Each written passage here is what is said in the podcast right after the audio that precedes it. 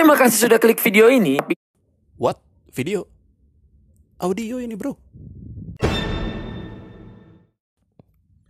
Yes, episode 1 kita mulai. Selamat datang di podcast Segala Arah.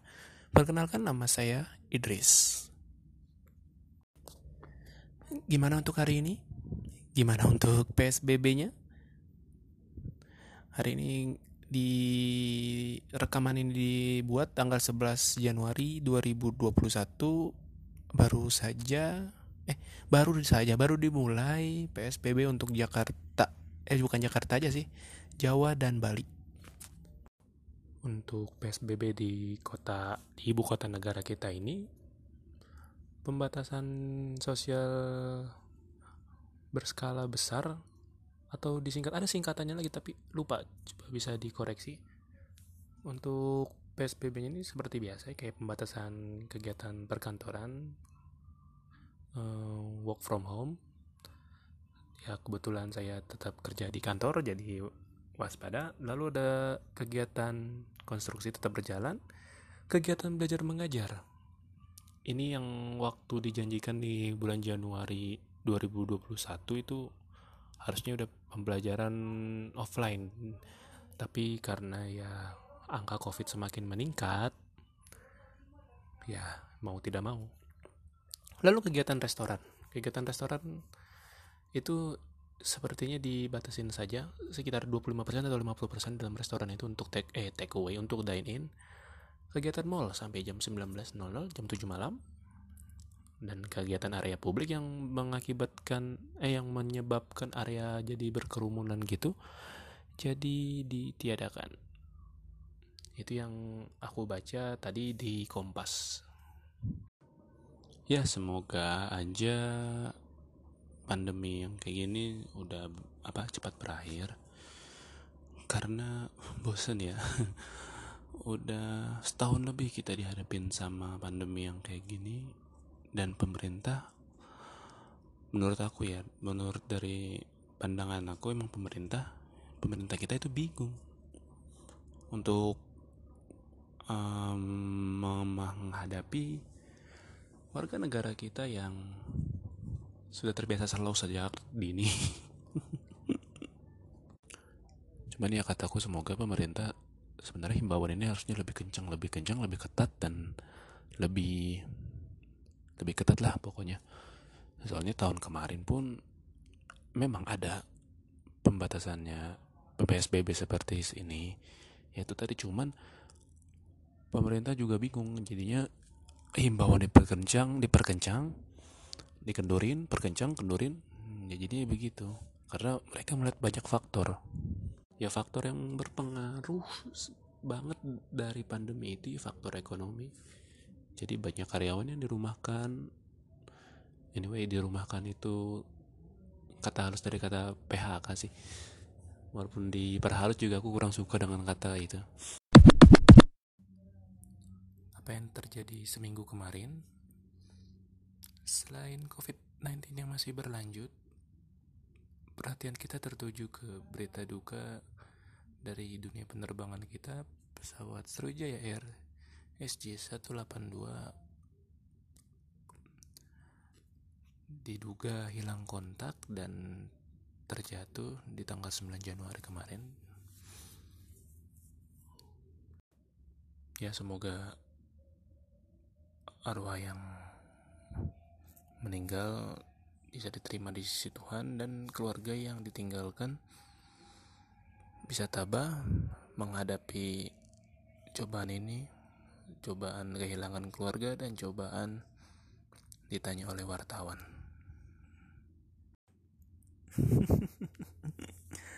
Kadang ini tipikal wartawan kita. Tipikal wartawan kita yang sebenarnya pertanyaannya itu nggak perlu perlu amat dan gimana ya aku bilang kayak nggak logis gitu kayak gimana perasaannya atau ada video video yang kulihat di Instagram itu korban lagi nangis. Korban pesawat itu lagi nangis dan masih ditanya gitu. Aduh ya Tuhan gimana sih? Gimana sih uh, rasa empati wartawan-wartawan kita ini? Soalnya bukan ini aja. Kita melihat tipikal wartawan yang kayak gini sudah banyak. Terakhir selain kejadian ini tipikal wartawan yang sebenarnya ahlaknya jelek sebenarnya. Kita nggak tahu diduga wartawan atau enggak ya. Waktu kasusnya Gisel kemarin anyway yang belum tahu atau mungkin mendengarnya di tahun berapa gitu ya artis ini Gisel ini baru saja ditang bukan ditangkap sih ditetapkan sebagai tersangka akibat video syurnya video pornonya. Nah mungkin kalian sudah dengar yang wartawan yang nyeletuk apa itu kalau nggak salah? Goyang Gisel goyang. Wow. Tapi aku bukan menuduh itu wartawan ya cuman kan yang mungkin ada di situ kan pasti nggak mungkin wartawan dong. Ya sih nggak mungkin gitu. Ya perbaikilah dulu ahlaknya sebelum perbaiki dulu lah hormati respect gitu terhadap korban terhadap tersangka ter dan pertanyaannya jangan template gitu. Apalagi yang menarik di seminggu terakhir? Hmm, oh iya ini Anya Geraldine jatuh dari sepeda. Gini kak Anya mbaknya apa tetehnya ya kalau misalnya udah jatuh lebih dari sekali sih kalau aku sih menurut aku sih mendingan cari hobi yang lain sih. Lagian kalau misalnya mau dipublikasikan harusnya publikasikan jangan cuma foto pas dia jatuhnya aja. Publikasikan sekalian pas dia nab pas nabraknya pas jatuhnya gimana. Jadi ketahuan gitu kalau mau konten. Jauh di Amerika sana, di Gedung Putih lebih tepatnya, sedang ada kerusuhan yang sempat ramai beberapa minggu terakhir, tepatnya seminggu terakhir ya. Ini terjadi akibat pendukung Trump yang tidak setuju dengan hasil pemilu Amerika yang berlangsung kemarin. Dan minggu kemarin juga Twitter Donald Trump di banned oleh Twitter. Katanya sih dia terkena mental illness presiden juga manusia ya mantan presiden juga manusia. Dan kabarnya juga hubungan rumah tangga Donald Trump dan istrinya tidak harmonis dikarenakan istri Donald Trump akan menggugat cerai Donald Trump. Setelah tahu Donald Trump tidak terpilih kembali menjadi presiden Amerika Serikat ini seperti habis manis sepah dibuang ini Oh ya, dan untuk pendukung Donald Trump harap bersabar, harap jaga kesehatan lebih tepatnya karena Amerika juga untuk angka COVID besar sekali. Dan jika lo masih tidak percaya dengan hasil pemilu di Amerika Serikat beberapa waktu lalu, kan masih ada Mahkamah Agung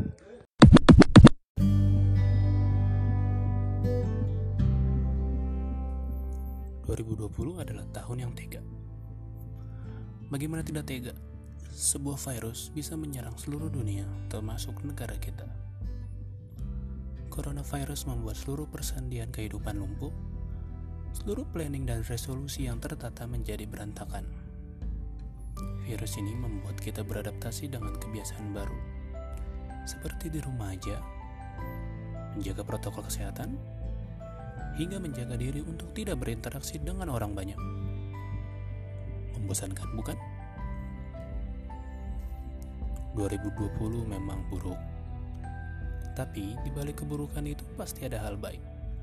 Hal baik yang kalau kita pikir tahun 2020 ini tidak buruk-buruk amat. Kita menjadi orang yang peduli. Kita menjadi orang yang saling menyemangati. Dan kita menjadi orang yang tegar. 2020 ini membuat kita semua sama.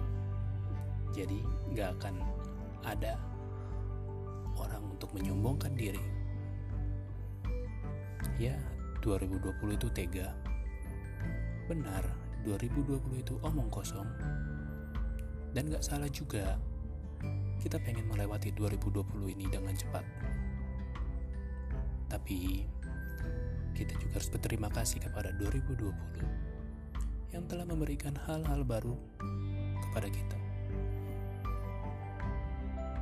Entah sampai kapan pandemi ini akan berakhir, bahkan di tahun 2021 ini belum ada tanda-tanda pandemi ini akan berakhir.